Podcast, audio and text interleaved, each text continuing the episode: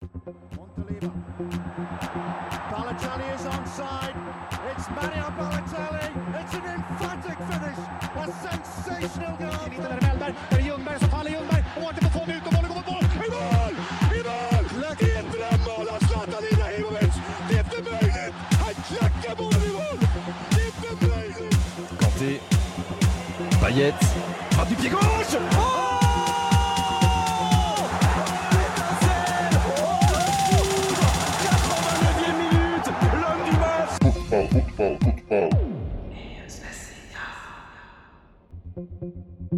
Hei og hjertelig velkommen til podkasten Fotball, fotball, fotball EM spesial, fjerde episode.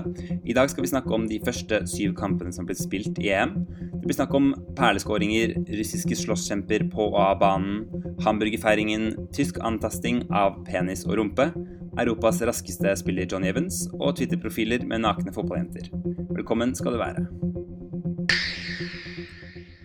Det er jo så deilig å ha både muligheten og unnskyldningene til å se på fotball hver dag hele tiden. For det er jo EM, og da, da har man en god unnskyldning for å sitte benka foran eh, TV-en eller foran radioen, hvis det er noen som fortsatt hører fotball via radio. Det håper jeg ikke, for det er veldig mye vakker fotball å se på. Eh, og så er det dessverre vært mye eh, grusomt eh, som har skjedd av banen, og egentlig inne på stadionene også. Jeg refererer så klart til gatekamper som har utspilt seg hovedsakelig i Marseille, hvor eh, britiske fans har barket sammen med både lokale Marseille-ultras, men først og fremst ser det ut til da organiserte russiske gjenger med, med hooligans, eller ultras, eller eh, hva man nå har lyst til å kalle det. Og scener hvor folk blir trampet på eh, mens de ligger på bakken, slått med stoler, glassflasker som flyr frem og tilbake, folk som blør, hjerte-lungeredning på, på gata. Og så klart dette militærlignende-aktige politiet i Frankrike som får alt, får til å se ut som en krigssone, på en eller annen måte. Eh, og spesielt var det jo urovekkende bilder etter eh, Frankrike Nei, etter England-Russland, hvor russiske fans tok seg over til um, den delen der hvor britene sto, og begynte å denge løs inne på stadion. Blant annet er det et, bild, et bilde av en, en russisk hooligan. En svær mann med solhatt, veldig muskuløs, høy, tatoveringer. Og han står Det er et ganske sånn bilde som har blitt vist mange steder. Han står liksom med hendene ut til siden og roper sånn Øy, liksom. Prøver å yppe opp til bråk. Og det er samme mannen som tidligere den dagen ble filmet trampende på hodet til en stakkars eh, britisk fotballfan. Så det er jo eh, Da burde man kanskje kunne stille seg spørsmål om eh, politiet her gjør en god nok jobb. Da, hvis man har fotobevis av, av at denne mannen står og sparker Altså livsfarlig, står og tråkker på noens hode når de ligger med hodet nede i asfalten. Så burde det vel finnes et annet system som hindrer at den mannen kan komme inn på stadion senere på kvelden. Men nå har altså både Russland og England da blitt, eh, fått en advarsel om at hvis lignende ting skjer igjen, så vil lagene kunne bli kastet ut av mesterskapet. Så da får vi håpe at det roer seg herfra ut. Fordi det er ikke dette det skal handle om. Det skal handle om fotball. Og jeg syns ikke vi skal snakke for mye om denne, all denne volden. Jeg leste i VG, eh, Trond Johannessen i VG mente at det ikke var mulig å glede seg over EM pga. alt det som har skjedd. Og det er etter min mening veldig pessimistisk og nesten litt tullete utsagn, fordi det er i hvert fall veldig dårlig gjort da, mot alle de fotballfansene som har reist til Frankrike og brukt masse penger og oppfører seg eksemplarisk, som så klart er flertallet av de som er der. Og det er dårlig gjort mot de som jobber frivillig eller eh, den slags nede i Frankrike med å lage et godt mesterskap. Dårlig ut overfor spillerne, managerne, oss som sitter og ser på hjemme. Jeg mener at man skal kunne klare å glede seg over de positive tingene som skjer, og den gode fotballen, og samtidig kunne snakke om og ta alvorlig det vonde som skjer. Men at man ikke skal kunne glede seg over EM, det syns jeg høres veldig dramatisk ut. Fordi det har vært mange gode kamper til nå, syns jeg. jeg synes det, har vært, det har ikke blitt skåret mange mål. Eh, det har blitt skåret 13 13 mål på syv kamper. Det er ikke veldig lite, men det er sånn 1,86 eh, mål per kamp. Eh, og det tror jeg har noe å gjøre med at, at i denne, altså sånn som mesterskapet er i år, så kan man jo gå videre med tre øvert eller én seier. Altså tre poeng i prinsipp, kan i prinsippet være nok til å gå videre. Så lag tenker kanskje litt sånn at um, det er ikke noe vits å gå for Altså risikere noe her. Om det er 1-0 eller 1-1, så er det mer sånn Ja, i verste fall så får vi uavgjort. Eller eh, Så vi gidder ikke å pushe på for et nytt mål, fordi det ene poenget er i seg selv veldig mye verdt. Det kan være en grunn bak eh, alle disse 1-0-seierne som vi har sett. Eh, men eh, det, skal, det, betyr ikke at det har vært et kjedelig mesterskap, selv om det ikke har vært mange mål til nå. Fordi det har vært eh, etter min mening veldig mange spennende kamper. Og første kamp var jo da Frankrike mot Romania, som endte 2-1 hvor eh, Payet jo var Eller Payet, som jeg tror man sier på fransk. Eh, var den store stjernen, målgivende til Giroud. Så utlignet eh, Romania på straffespark etter en veldig klumsete takling av Evra. Litt urovekkende der, egentlig, for han skal jo liksom være den rutinerte bak Frankrike, som jo har kanskje Forsvaret som sitt svakeste ledd etter mesterskapet. Men uh, Paillet, da. Paillet, Paillet uh, flotte assist til Giroud, og så det helt nydelige målet hvor han køler den i lengste kryss med venstrefoten. Dere hørte kanskje den splitter nye jinglen jeg har satt sammen, med kommentarer um, komment franske kommentatorene fra Paillet-målet. Uh, som roper oh, la, la. Så det, det, var mange som syntes det var en, en fin perle.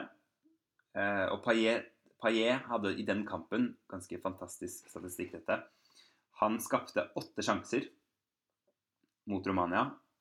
Og resten av spillerne på banen skapte til sammen ni. Det er, så vidt jeg kan se, både Frankrike og Romania. Resten av spillerne altså, på banen skapte ni. Så det er, det er, veldig imponerende. Og ellers eh, på midten for Frankrike var Pogba og Matuidi veldig sterke, syns jeg. Solide. Eh, så det var en OK innsats eh, for Frankrike. Viktig for dem å få med seg en seier. Romania var ikke helt eh, tannløse, som jeg jo kanskje mistenkte at de kom til å være. Så det, også, det blir spennende å se hvordan de gjør det mot Sveits og Albania. Som er de to andre lagene i gruppen, og som spilte dagen etter.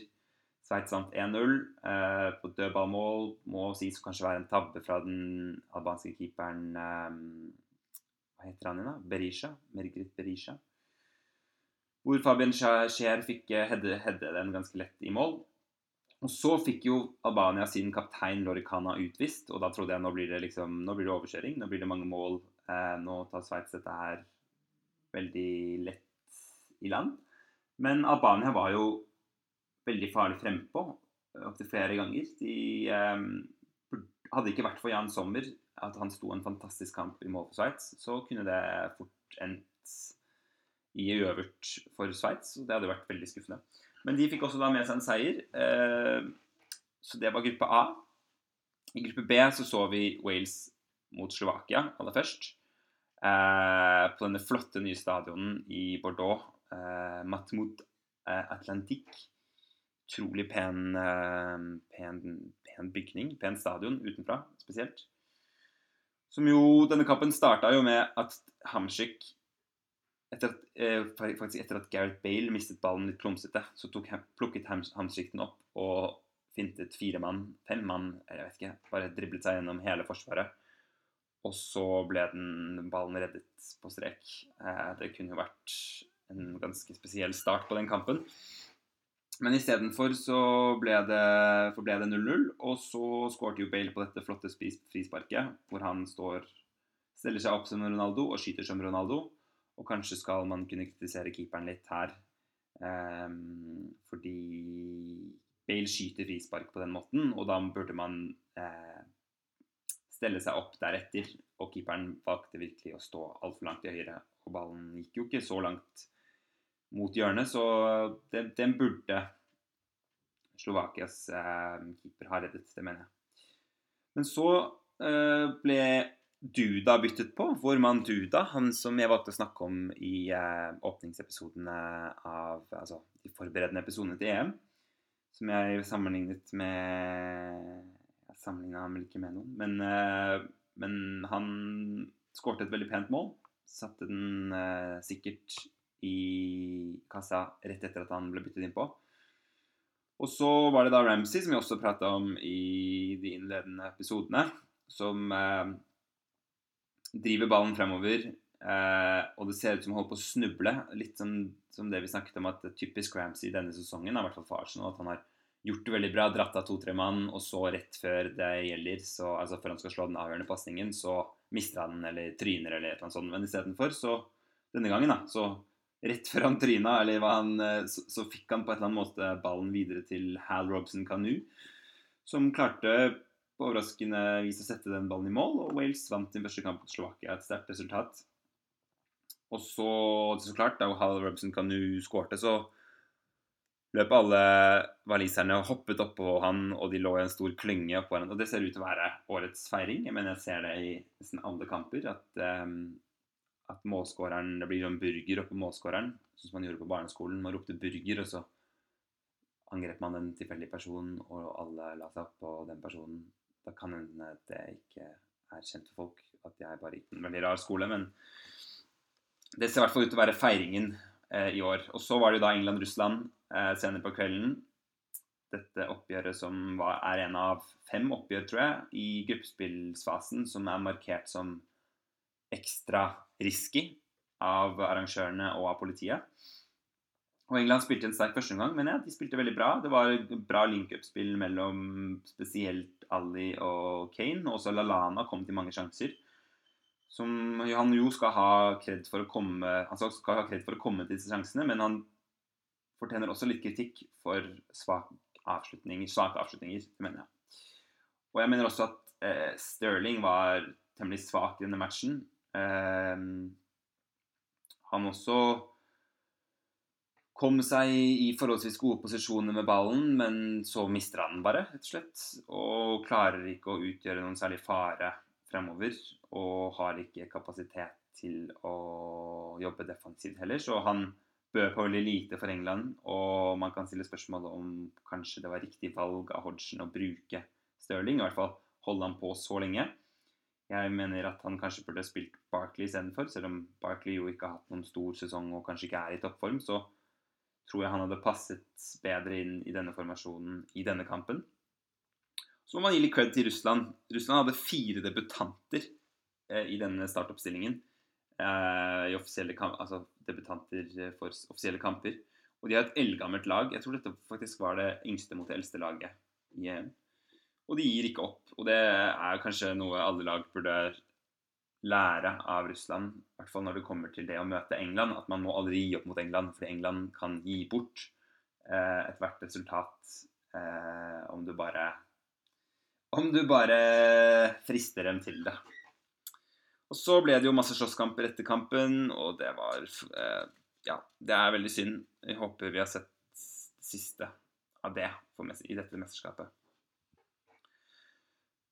Ok, og så var det søndag, da. Eh, første kamp Tyrkia-Kroatia. En lekkerbisken av en kamp, på papiret i hvert fall. Eh, to eh, veldig morsomme lag. Men Kroatia klarte på mange måter å ufarliggjøre et ellers ganske, ganske um, farlig Tyrkia. Altså et offensivt sterkt lag som så ut som om de Altså, de manglet virkelig brodd i denne kampen. Det var mye takket være hard jobbing fra de kroatiske spillerne. Kanskje spesielt um, ja, de som skilte seg ut, etter min mening, var jo så klart Bedran Koluka, som vi, um, var vår mann i analysen av Kroatia.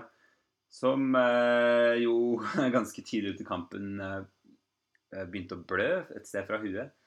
Og måtte teipes opp til altså tre-fire ganger måtte han teipes på nytt med nye farger. Sånn som type som bandasje som surres rundt og rundt og rundt hodet til det blir en slags sånn fin liten nisselue.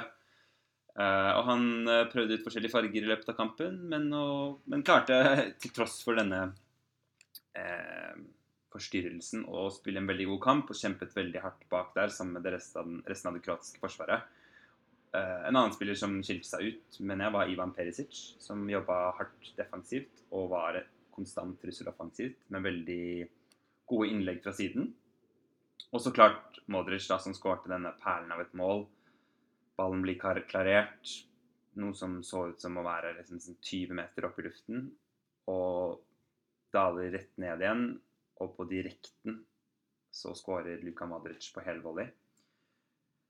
Veldig verdt å få med seg. Hvis man ikke har sett det, så vil jeg anbefale jeg å gå, gå på YouTube eller noe og prøve å søke det opp.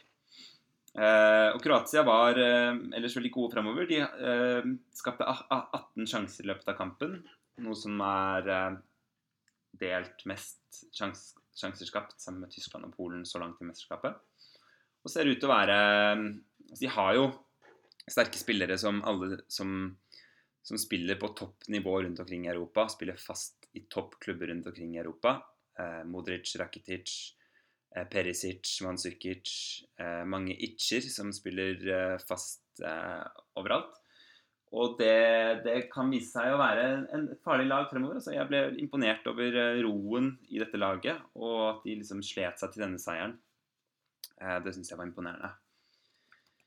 Eh, litt senere på dagen i går, da, på søndag, så så vi Polen mot Nord-Irland. Eh, og Nord-Irland, som forventet, satt alle mann i forsvar. Og klarte lenge å frustrere det polske laget, og spesielt Lewandowski på topp, som var liksom innelåst av, av eh, nordirske eh, forsvarsspillere. Og fotballspillere, for den saks skyld. Eh, jeg lurer på om Nord-Irland hadde null touch inne på Polens banehalvdel i første gang. Ja. De hadde ingen berøringer inne på Polens banehalvdel. Og jeg lurer på om da kampen var over, så hadde Polen over 60% i possession.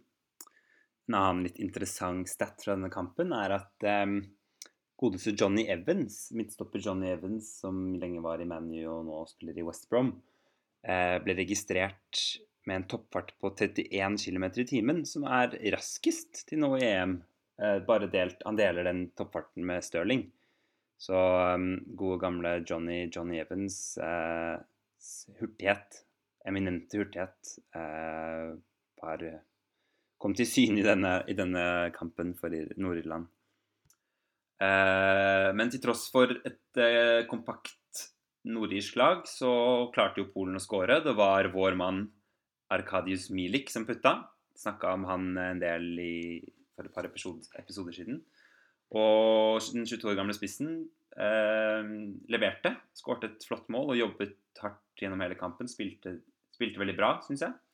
Så det blir spennende å se om han kan fortsette å, fortsette å score for Polen. Det blir jo litt sånn når du spiller ved siden av Lewandowski, at forsvarerne fokuserer på han. og da, Du kan kanskje finne mer rom enn du ville gjort ellers.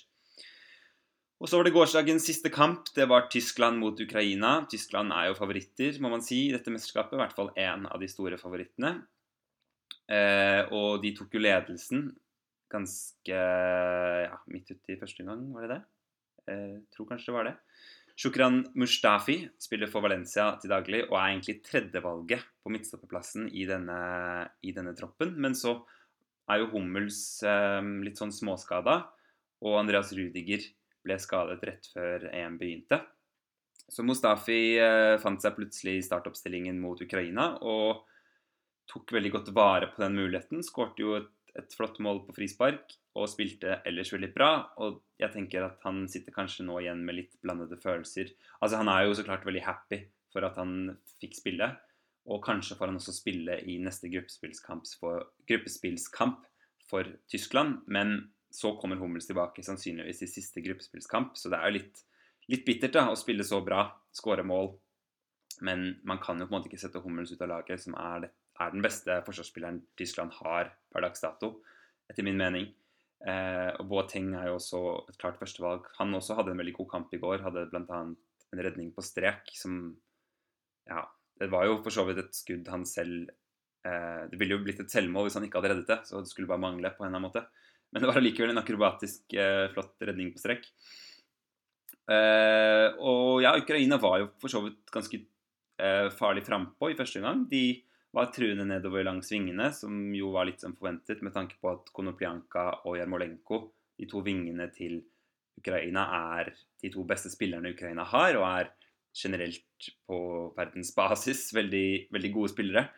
Og de to bekkene Tyskland har, spilte med i går, Høvedes og Hector, var det, tror jeg. ja, er jo de svake leddene i dette Tyskland- Tyskland-laget. så Der var Ukraina farlig, og det var ikke før i andre omgang at Tyskland på en måte fikk dette under kontroll. Og Kroos og Kedira klarte å styre kampen fra midten. Eh, og så klart så hadde jo Neuer en fantastisk kamp. Han hadde mange gode redninger, og Tyskland kan takke han for at ikke de slapp inn mål mot Ukraina i går. Men en annen som jeg mener fortjener minst like mye ros, er Ukrainas keeper Pjatov. Som jeg syns ser ut som en 45-46, kanskje 50 år gammel kunst- og håndverkslærer. Eller sløydlærer eller noe sånt. Han ser gammel ut, og han ser ikke ut som en fotballspiller. Men han var eh, til de grader en fotballspiller i går. Og sto på slutten av kampen igjen med syv redninger, som er eh, det meste av alle keepere så langt i EM. Så klapp, klapp for eh, Pjatov. Og jeg synes det ukrainske laget så ganske bra ut, jeg. Ja. Så både Polen og definitivt Nord-Irland kommer til å få en tøff kamp mot det, de ukrainske gutta. Et annet lite eh, nevneverdig poeng hos Tyskland jo, er jo at de spilte jo i går ikke med noen ren spiss. De hadde Mario Götze på topp, som en litt sånn false nine der framme foran Özil, Draxler og Müller. Eh, og Mario Gomez kom jo ikke på. Eh, så det blir spennende å se om han kanskje gjør det nå i neste kamp, i og med at jeg mener Götze var forholdsvis anonym der oppe. Og kanskje kan Tyskland være enda farligere hvis de har en litt sånn target man på topp som Gomez. Og så er det vel verdt å nevne Schweini. Bastian Schweinsteiger er jo enormt populær i Tyskland. Og du så da han ble byttet inn på at han eh, Det ble stående applaus, så å si helt på slutten av kampen. Uh, han har jo ikke spilt en kamp for ManU siden mars, tror jeg. Men kom allikevel innpå og skårte et herlig mål. Uh, et bare kontring hos Tyskland. Øtzil nedover langs venstreflanken slo et fantastisk innlegg som landet Men ikke et lett innlegg for Schweinsteiger. Ikke en lett avslutning. men på halvspretten så fikk han satt den opp i nettaket. Tyskland vant 2-0 og komfortabelt resultat for eh, de regjerende verdensmesterne. Men min hoved-takeaway fra denne kampen omhandler Joakim Løv, og stikkordet er æsj. Fy fader. Jeg satt før eh, kampen begynte i går sammen med noen kompiser og så på YouTube-klipp av ekle ting Joakim Løv har gjort, eller rare ting Joakim Løv har gjort. Og de eh, inkluderer Man kan gå og finne det eh, på YouTube selv. Søke på noe sånn Joakim Løv, 'Funny Moments' eller noe sånt. Uh, og det begynte med et par år siden at, med at han ble fanget opp på film hvor han satt og Han har jo som regel ganske store pads uh, under armene, svettepads. Og det, ingen kan klandre han for det. det han er ikke den eneste i verden som har svettepads. Men han er kanskje den eneste i verden som foran kameraene gjør følgende ting. Han tok altså da hendene sine inn under arm, armhulen og gnidde den litt inntil svetteflekkene sine. For så liksom løfte hånden opp, ikke så diskré engang. Han var løftet hånden rett opp under nesen og luktet på sin egen svette. OK, det er ganske ekkelt, ganske rart, eh, men holdt på å si det kan skje den beste. Eh, men Joakim Løv er ikke den beste, fordi det var Jeg lurer på i VM i 2010 eller noe sånt, at han ble fanget opp eh, kameraene fanget opp at han gjorde følgende ting. Piller seg ganske kraftig og godt opp i nesen. Eh, og får åpenbart tak i et eller annet, fordi han liksom plukker et eller annet ut med finger mellom pekefinger og tommeltott. Liksom ruller det som da sannsynligvis er en buse, mellom fingrene Putter den over den andre fingeren, ruller den litt der. Og så liksom løfter han fingrene opp til munnen og liksom putter busen eh, Skraper busen av på tennene. Så sitter og gomler på sin egen buse. Åh, og det er, det er jo forferdelig. Eh, men i går toppet det seg virkelig. Hvor det finnes et Dette må man bare gå inn og se på Twitter eller YouTube eller hvor som helst. Søke det opp. Hvor han stikker hånden ned i buksen in, det, altså innenfor bokseren, eller underboksen, ser det ut til. Og liksom romsterer litt eh, på, på, ba, på, ballene sine. eh, det var noen som skrev en morsom joke om at he was just adjusting his formation. Eh, men altså da tafse på seg selv, for, for så å løfte hånden opp og lukte på den igjen. Så han ville da lukte på sin, sin egen, eh, sitt eget underliv, eh, sitt eget kjønn. Og så kom det da et, enda et klipp hvor han stikker hånden ned bak, altså ned ved rumpa, og tafser litt på seg selv der, for så et par sekunder senere å løfte den samme hånden opp til nesen og munnen. Og det er for meg helt uforståelig. Kanskje bare troller han hele verden. Kanskje gjør, gjør han det med vilje for å skape oppmerksomhet, eller ta oppmerksomhet, oppmerksomhet vekk fra andre ting, sånn som sine egne spillere. Jeg vet ikke. Uansett er det i så fall en veldig ukonvensjonell måte å gjøre det på. Eh, jeg sier bare æsj og stopp med det. Det er, det er ikke noe hyggelig Eller kan i hvert fall produsentene av EM eller VM eller hvor enn det er Joakim Løv befinner seg, slutte å filme det. Og slutte å vise det til oss, for det er veldig, veldig ekkelt. Uh, OK, det måtte, jeg måtte bare få det ut.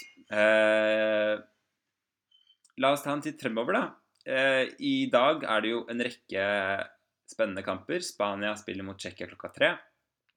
Eh, for eh, hvor Spania må finne seg i å være favoritter. Det har jo vært litt eh, turbulent i den spanske troppen disse dagene med De Gea, som har blitt involvert i en slags voldtektssak, eh, som også inkluderer Iker Munain og mm, en annen spiller, husker ikke helt hvem. Eh, men han er det var, det var, en liten tid rykter om at han skulle bli sendt hjem fra troppen, men han er fortsatt der og kommer sannsynligvis å starte mot Tsjekkia i dag. Så har vi Irland mot Sverige. En viktig kamp som begynner klokka seks, fordi i en vanskelig gruppe som også inneholder Belgia og Italia, så ser nok både Irland og Sverige på denne kampen som eh, ganske definerende for eh, utfallet i gruppen. De trenger poeng begge to. Så vi skal følge med på den. Følge med på Zlatan. Det blir spennende. Eh, og så klokka ni har vi da det som må være den største kampen til nå i EM, nemlig Belgia mot Italia. En kamp hvor Belgia er favoritter, men hvor jeg tror Italia kan i hvert fall greie seg, karre seg til en uavgjort. Og så har vi gruppespillet siste kamper i morgen. Østerrike mot Ungarn. Eh, det er jo en historisk sett en litt interessant kamp. Eh, Habsburg-dynastiet, Østerrike og Ungarn, eh, gjenforenes på banen. Og så slutter, slutter første runde av gruppespillet i morgen kveld med Portugal mot Island. For å håpe at våre brødre i nord, vest eller et eller annet kan spille bra mot Ronaldo og co så vi får en spennende kamp. Og så er vi i gang igjen etter det med runde to. Masse spennende kamper foran oss. Og det er eh, godt å være i gang. Det kommer ny episode da, vil jeg regne med, om et par dager. Da føler jeg meg ganske sikker på at eh, Johan Trovik, min eh, gode kamerat og Italia-ekspert, skal være på plass og være med på å snakke om ikke bare Italia, men alle de andre kampene han har sett, og hva han finner spennende. Og så er det mulig også at det blir en engelskspråklig eh, episode og, om noen dager eller noen uker, hvor eh, jeg har noen eh, lina opp noen eh, engelske fotballkyndige kommentatorer eller typer som skal være med å, å, å gi denne podkasten et litt mer internasjonalt preg, kanskje. Så det var det. Tusen takk for meg. Ehm, det er hyggelig om dere vil subscribe, rate og reviewe denne podkasten. Dele den med vennene deres. Og jeg håper, som, som, sagt tidligere, så håper jeg at dere ikke har kjedet dere. Det er hovedmålet. Hvis du hører dette her, så har du jo, har du jo holdt følge gjennom hele denne lange, halvtimes lange episoden. Og da, da har du forhåpentligvis ikke kjedet deg for mye, i hvert fall. Så det er bra. Eh, det finnes også en eh, Twitter-profil Twitter som jeg har opprettet eh, hvor jeg har så mye som syv følgere. Veldig spennende. Alle de følgerne er sånne bullshit-profiler. Sånne halvnakne damer. Football girls. Because girls also love football. Send us your pictures. 18 years old. Eh, det er de som følger meg nå. Så det hadde vært hyggelig med litt andre følgere. Eh, da, kan jeg også, da vil jeg også begynne å tweete litt mer aktivt. Den Twitter-profilen heter fotballx3 fotball ganger tre, altså. Så fotball, fotball, fotball. Kult. Eh, på gjenhør. Ønsker alle en eh, flott mandag. Eh, det er jo en flott måte å sprite på en mandag på, da. Masse god fotball. Kan ikke snakke om blåmandag da. Eh, au revoir. Eh, auf Wiedersehen. Eh, ciao, tschüss, adjø.